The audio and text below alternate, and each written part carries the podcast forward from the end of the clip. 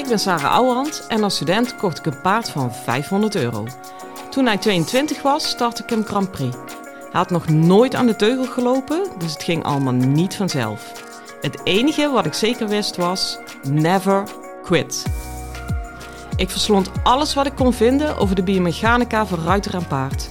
Dat testte ik net zo lang totdat ik wist wat echt werkte. In deze podcast leer ik jou alles over je rijtechniek, je houding en zit en je mindset. Want ook jij kan naar de Grand Prix gaan, zelfs als je geen miljoenenpaard hebt.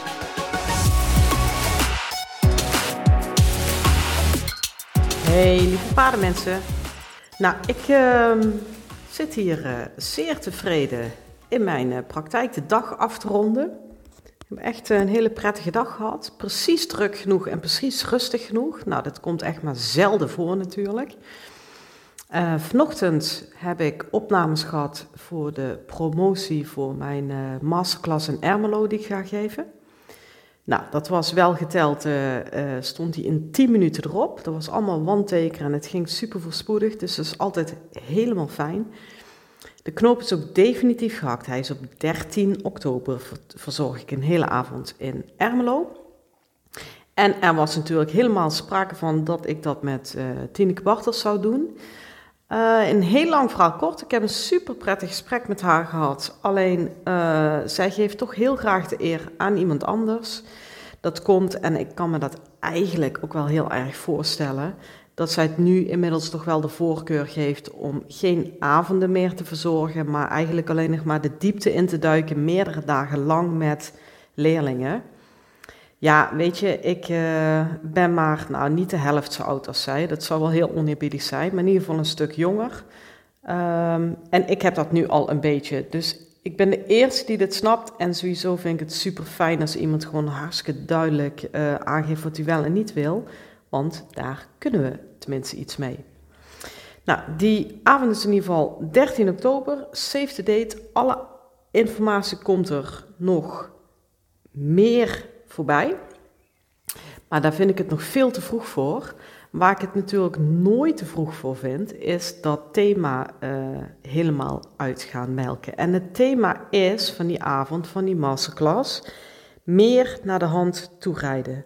En ik zeg bewust meer naar de hand toe rijden, uh, omdat als me iets duidelijk is geworden, is dat dit een proces is waar je iedere keer een nieuwe stap inneemt. Het is niet, je hebt sowieso nooit een eindstation in paardrijden. Als je dat denkt, dan ja, spreek je in ieder geval een andere taal dan ik. Want ik merk gewoon, weet je, ik, ik heb die Grand Prix redelijk knap aan elkaar gereden.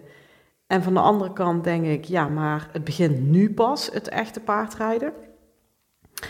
Uh, ik blijf zelf ook nieuwe dingen ontdekken. En uh, ja, dat, dat moet haast wel voor iedereen gelden. Dat, dat maakt natuurlijk de dressuur zo fascinerend. Dus vandaar dat ik echt heel bewust het woordje meer ervoor zet. Meer naar de hand toe. Want ik kan altijd meer gedetailleerder, beter, met meer diepgang. Met nog kloppender biomechanica. Er is niet één verhaal. Uh, er zijn wel hoofdlijnen. Dat is natuurlijk waar.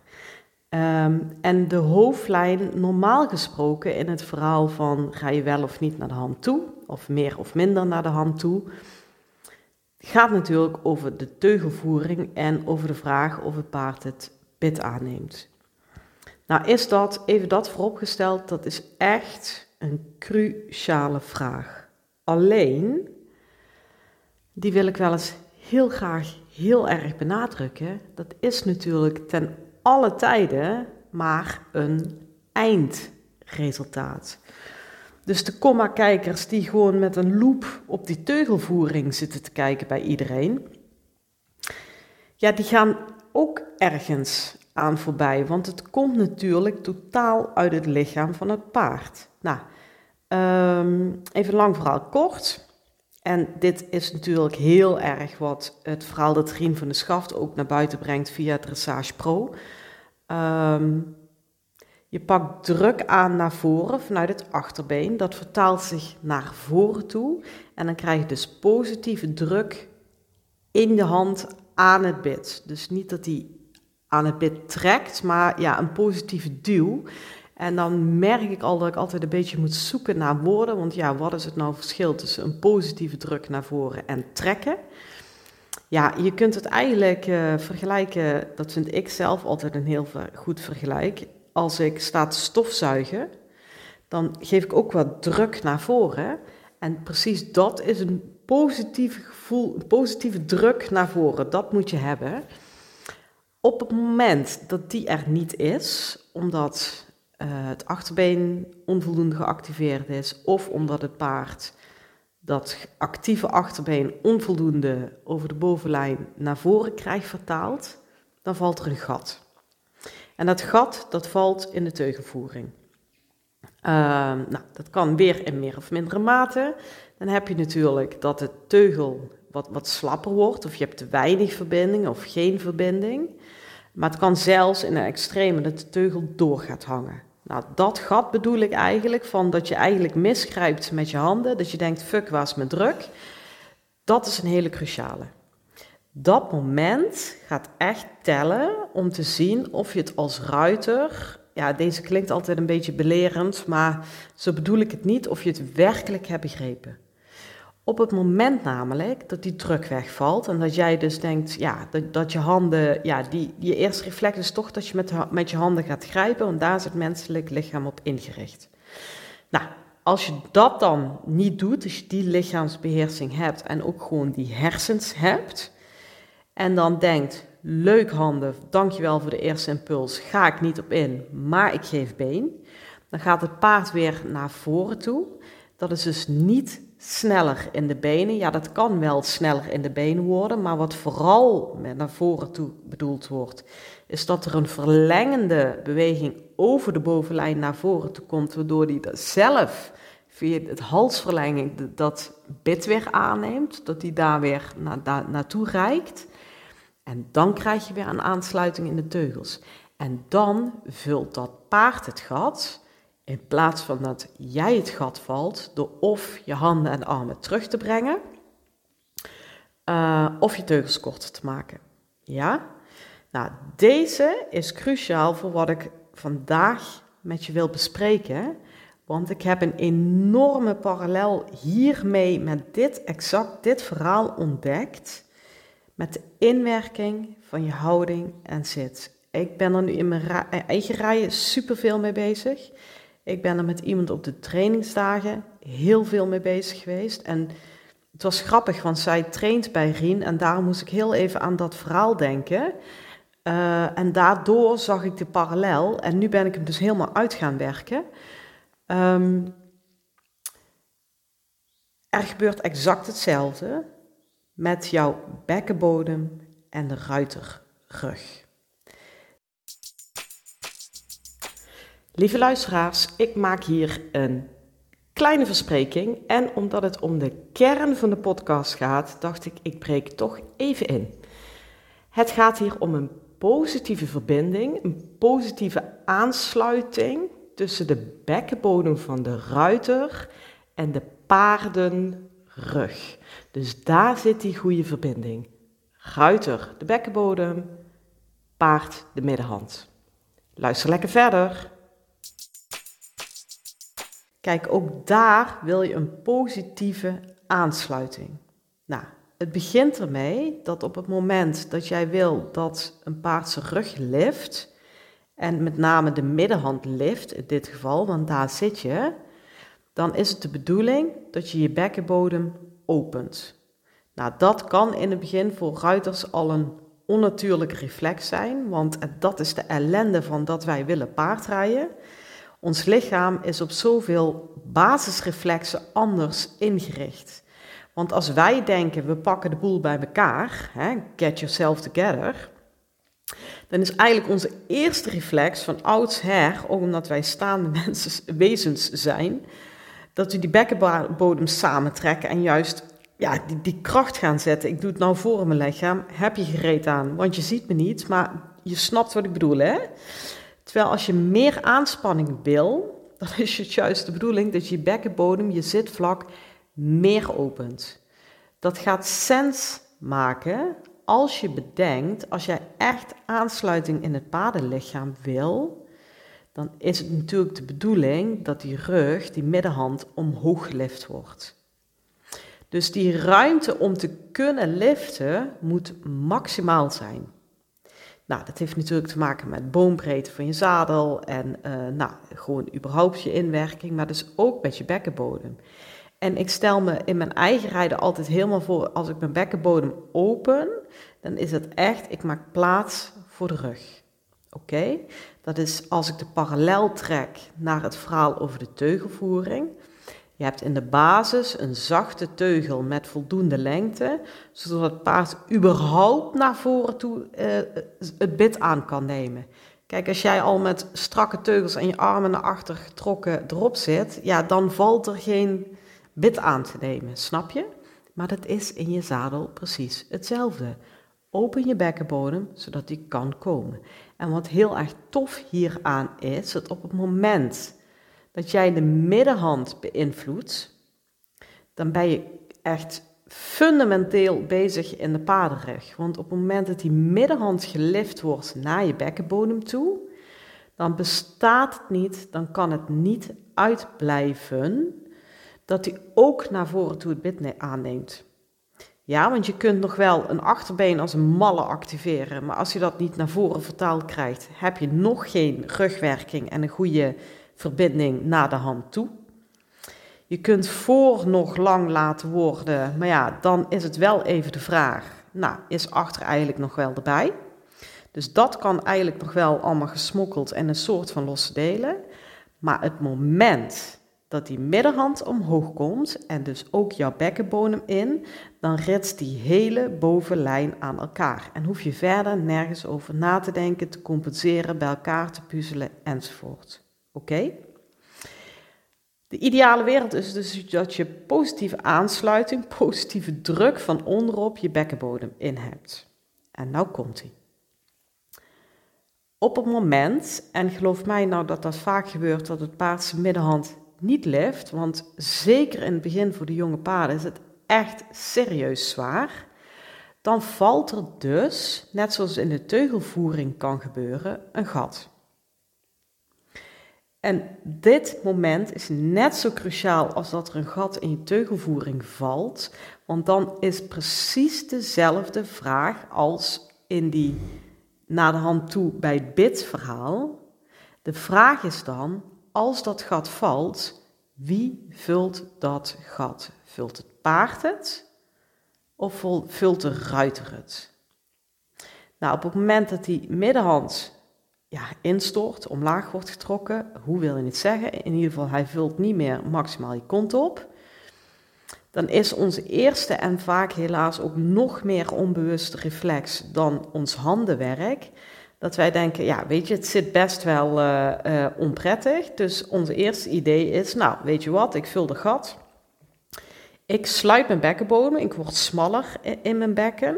Nou, tada, ik zit weer op de, uh, op de paardenrug, gat opgevuld, we hebben aansluiting klaar. Maar dan heeft de ruiter dus het gat gevuld. En omdat je dat hebt gedaan door je bekkenbodem te versmallen of te verkleinen of zelfs vaak te knijpen, um, heeft het paard daarna ook geen kans meer om alsnog die middenhand te liften, want die ruimte is er niet meer. Dat is hetzelfde wat ik net zei. Als jij je hand terug hebt gebracht of de teugels kort hebt gemaakt, heeft het paard geen kans meer om naar voren toe naar die hand toe te verlengen, want die ruimte is er niet meer. Dat is dus de parallel. Nou, op het moment dat jij denkt, nou oké, er valt een gat, maar ik wil dat paard dat gat vult, dat is dus het moment waarop je zegt: Oké, ik heb even minder aansluiting met de rug. Dat voelt echt onprettig, want je wordt minder gedragen. Dus je bent minder gebalanceerd. Dus je moet echt even heel gehandicapt de neiging onderdrukken om, te gaan knijpen. Uh, en dan moet je eigenlijk heel snel, en hoe sneller hoe beter, met je onderbeen even uh, de middenhand aantikken, een beetje omhoog tikken. Ja, dit is altijd heel lastig hoe ik dat uitleg, want je moet ook niet lompweg gaan zitten prikken, maar dat is een handigheid, joh, en je eigenlijk even zegt, kom, tik, hup, je tikt hem eigenlijk weer naar je kont toe, of uh, zoals mijn eigen trainer Frank Jespers dat zegt, je moet hem het zadel iets meer op laten tillen, of als je daar echt niet uitkomt, natuurlijk komt ook dit weer voort uit het achterbeen. Hè? Maar ik zit nu even in de aansluiting bekkenbodem, paardenrug. Nou, op het moment dat het paard het gat weer opvult, dan kan je weer verder. En dan heb je dus weer de cirkel rond als in breng de energie naar de hand toe. Kijk, en dit is echt, uh, sowieso vind ik deze parallel heel erg leuk. Uh, maar dit is wat mij betreft echt naar de hand toe rijden de next level. Uh, dit is nog gedetailleerder, vraagt nog meer sensitiviteit van je eigen lichaam. Het is wel echt, als je echt verder wil komen en echt goed wil paardrijden, is dit brood en brood nodig. En maak alsjeblieft niet de denkfout. Door te denken, ja, maar die lift in die middenhand, dat is alleen in de verzameling. Nee, je ziet het wel het allerduidelijkste in de verzameling. En dan met name, ja, ik ben daar natuurlijk helemaal lijp van. Ehm, die uh, uh, mooie klassieke plaatjes van die hele barokke paarden met, met, met, met die Spaanse Portugese mannen in de piaf ja, die, die, die paarden die bollen zo gruwelijk op in die middenhand. En die mannen zitten daar helemaal gekiept en gekanteld op. Daar zie je het het meeste en daar gebeurt het het meeste. Maar het moet altijd aanwezig zijn. Ook bij de jonge paarden. Natuurlijk vraag je daar aanzienlijk minder lift. Natuurlijk vraag je daar aanzienlijk minder lang lift. Want dit is nou net waarom het voor een jong paard zo belastend kan zijn. En ook weer ontlastend als je het goed doet. Dus die lift, die is er altijd. Alleen die lift komt steeds wat hoger. Je bekkenbodem raakt steeds wat meer gevuld. Maar het spel tussen ik open mijn bekkenbodem en mijn paard vult dat gat. Ja, wat mij betreft, nou misschien niet vanaf de eerste rit, mag hij even wennen dat je erop zit. Maar vanaf rit 2, rit 3, leer het hem, alsjeblieft. Want weet je, daar is de communicatie centraal. En dat bedoel ik ook met de teugelvoering is maar een eindresultaat. Ik kijk eigenlijk steeds vaker alleen maar naar de middenhand. Als het daar klopt, als het daar een goede aansluiting is, uh, op voorwaarde dat het achterbeen voldoende is geactiveerd. Maar ja, dat kan natuurlijk niet uitblijven. Heb je de wereld in de teugelvoering, daar hoef je het helemaal niet meer over te hebben dan. En dan kun je alleen nog denken, oké, nu is hij heel mooi aan de hand. Is dit ook de hoofdhalshouding waar ik hem ideaal wil hebben slash wil plaatsen? Dan kun je het nog een stukje hebben over nagevelijkheid of plaatsing van de hals, bla bla bla.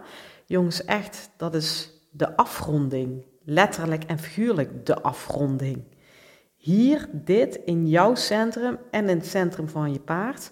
Daar ontmoeten jullie elkaar. Daar moet je hem blijven uitnodigen tot communicatie.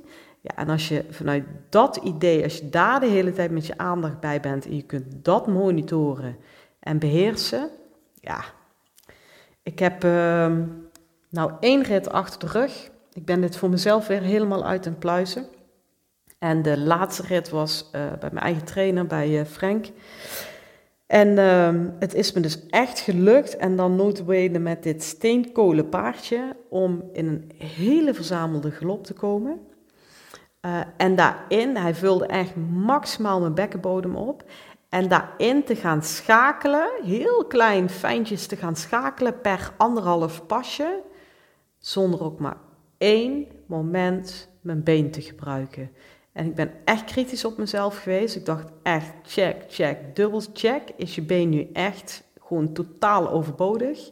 Nou jongens, ik ben een zeikert op mezelf. Maar in dat geval had je ze kunnen amputeren. Dan had ik hem nog kunnen rijden en kunnen schakelen op mijn bekkenbodem. Ja, als je dat meemaakt, dat is echt... Ik weet niet wat het is met die knollen, maar de hemel breekt gewoon open. Nou, alleen paardenmensen begrijpen dit, hoe super blij je met zo'n contact kan worden. En daarom timmer ik nu ook even op, omdat het echt even een investering is. Um, de grootste investering is eigenlijk ja, op een gedetailleerde manier lichaamscontrole te krijgen. Uh, lichaamssensitiviteit, lichaamsbewustzijn. Ja, dat is echt wel een serieuze weg. Ja, die sla je in of niet. Uh, maar de beloning is wat mij betreft zo sky high. Uh, ja, het is het gewoon waard. En het is het alleen al waard om wat dat dit, wat mij betreft, ja, goed paardrijden is. Dus uh, doe er je voordeel mee. Ik ben heel erg benieuwd hoe jullie uh, deze parallel uh, zien. Is het een eye-opener? Werkt die voor je? Waarom wel, waarom niet? Werk je, werk je er al mee? Zet het alsjeblieft voor me in de show notes. En dan wens ik je voor nu een hele fijne dag en veel plezier met je paard. Hoi hoi!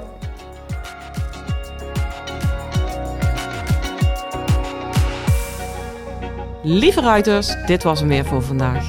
Waardeer je mijn tips? Geef me sterren op Spotify en iTunes. Dat voelt voor mij als een dankjewel. En geef je paard een knuffel van me.